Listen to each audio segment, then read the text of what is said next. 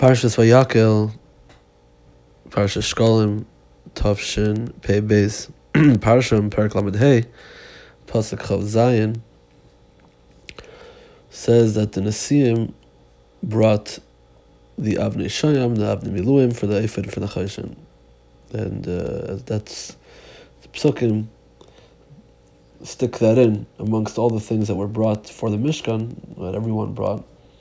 The men brought, the ladies contributed, their everyone's contributions, material wise, um, skill wise, whatever their, everyone's contributions were, their nadivas, the nadivas libam, and the the nesiim. What did they bring? They brought the Avnei Shom and Avnei Miluim, which Chazal say that they really um, came from Shemaim, didn't have those on hand necessarily, whatever Chazal say, but Rashi brings a very fascinating Chazal. Rashi says, Zom Rab Nasan, Maro Nesim Lesnadev Mechanukas HaMizbeach, Mechanukas HaMizbeach, Betchila, Abamlach HaMishkan Lo Hisnadev Betchila. So, the Nesim, they came by the Chanukas HaMizbeach, they came first, and Melach Mishkan, they didn't come initially. They weren't the first people to come. Kacham Nasim, the Nasim said as follows: Isnazvu Tzibur Mashim Isnadvim. The Tzibur will bring whatever they bring. And this was a famous, uh, the famous thought, the famous uh, idea that the Nasim had, well known, was that they were going to end up just bringing whatever needed to be brought, whatever was outstanding, they'll clear it up. Right? And what happened? Shenava mlocha isadayim. And when we see him, so it came out, it come to the end of the people giving, and they're like, uh, what, what, do we do? Uh, the, the list outstanding is uh, not that big at all. There isn't really anything else for us to bring. So Malin Ulasis, Avius Avnei Hashem, Avnei Miluim, they brought Avnei Hashem, Avnei Miluim. So, therefore, when it came to the Chanukas Hamizbeach, so they came first. Rashi says, since they initially um, did not come forward as the first people. So, Nechsera Ois Misham, Mishmam, Vahanasiim Ksiv, therefore they lost a letter of their name, meaning of the of the Nasiim, of their title, and they were called Vahanasiim, as it's written in the Torah, without a Yud. It's Nun, Sin, Aleph, Mem. So, that's the famous Chazal regarding the Nasim's Cheshbon by the Malachas HaMishkan and why they did differently by the Chanukas HaMizbeach. So Rabbi Yerucham brings a, it says a, a fascinating insight. Rabbi says that Lamaisa, they had a very honorable cheshbon, right? You, you know, imagine if uh, someone who someone uh, someone needs to make a someone's making a, a simcha, right? Or someone's uh, right, someone's raising money, and for whatever reason, personally, whatever it is, let's say someone's uh, yeah, raising money for whatever whatever tzarech, and they go to a certain well-known gvir, one of the biggest gvirim in town, and they tell them, the person tells them, listen, I have this and this, I have a making a campaign. I, I need to fundraise a certain amount of money, trying to build a build a moisid, whatever it may be, and um, I need a I need a I need a million dollars. So he says, listen, you uh, you do your rounds, do whatever you normally do, and you come back to me with whatever you can do, do it, whatever your normal hishtadlus would be. Come back to me, I'll take care of the rest. I mean, you would say that's a phenomenal generosity. That's phenomenal generosity that uh, that uh, Gvir's part. I mean, that would go around, you know, he'd come up with. Uh, you know, maybe a couple hundred thousand dollars. They'd make a couple campaigns. They'd do this campaign or that campaign or this drive or that Chinese auction. And he still needs, he's still short a quarter million dollars, half a million dollars. And the Gvir told him, I'll take care of it. And, you know, and assuming that he's true to his word, he's a, he's a Ishnaman, let's say he is, he comes and we'll write the check.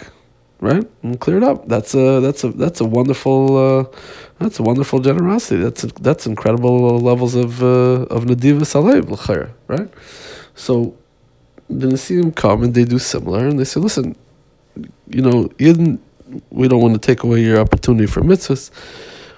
You you do what you do, and uh, Rabbi say whatever is outstanding left for the Mishkan, we're going to cover. We're, we're going to bring it. We're happy to do that. That's a murder nidivas level What's what what's what's what's wrong with that? What's wrong with what they did?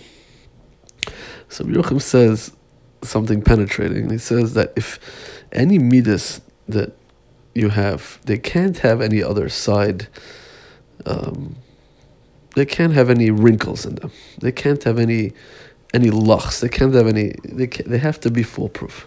They have to be sealed. They have to be totally foolproof.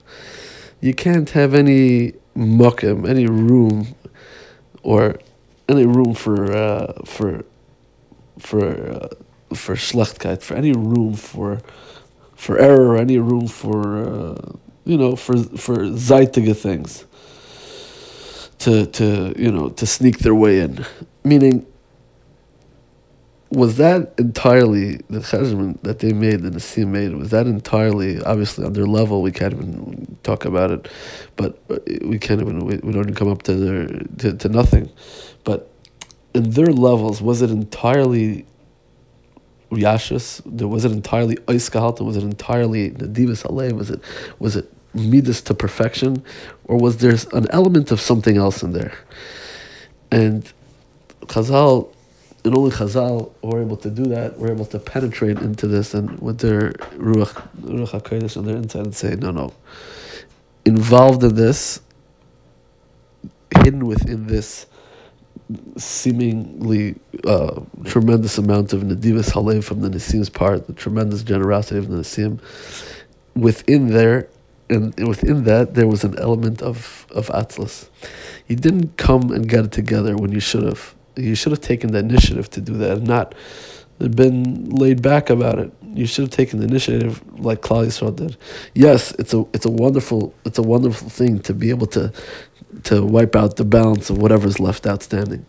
And that's incredible. That's incredible. It's an incredible thing to do. It's a wonderful undertaking, but within that within that hargasha that they had, within that that approach that they had, there was an element there that wasn't perfect.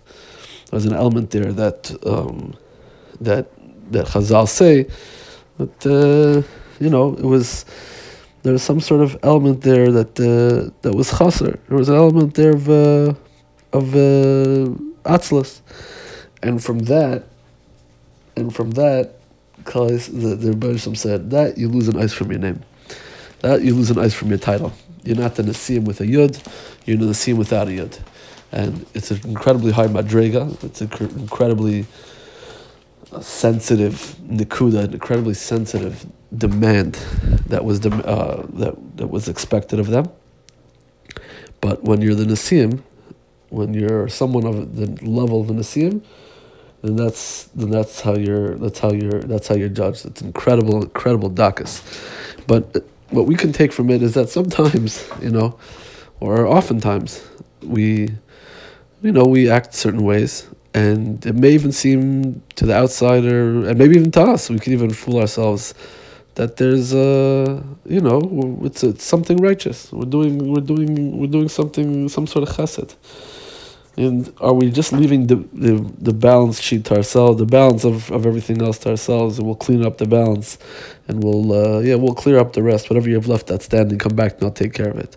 Or you know, someone else will take the initiative, and I'll uh, I'm more than happy to contribute whatever else I can do. But uh, you know, when when you need it, when whatever it is that's outstanding, I'm happy to take care of that. Is that because we're so generous and we're happy to?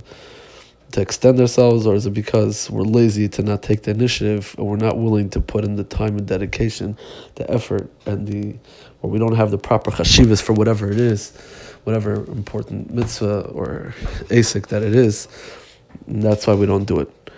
It's it's a way to be critical of ourselves, not of others, but of ourselves, and to realize that not always when we seemingly have the best intentions are they exactly the best and purest of intentions. There's always or often things that are mixed in there that or lead us to you know do certain things a certain way and whatever you know however we can perfect on ourselves with that is uh, something to strive for and something to to realize something that's important in life to do